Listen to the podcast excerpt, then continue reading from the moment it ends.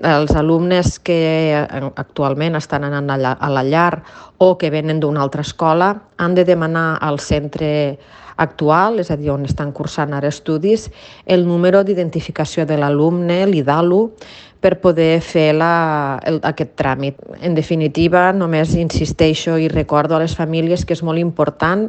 fer aquesta preinscripció en el termini, ja que és, són els números que el departament té en compte també per a l'assignació de grups classe. També a la pàgina web està publicat totes aquestes indicacions que ara he dit,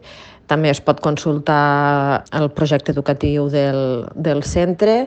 i per qualsevol dubte adreçar-vos a l'escola que aquí us, us atendrem.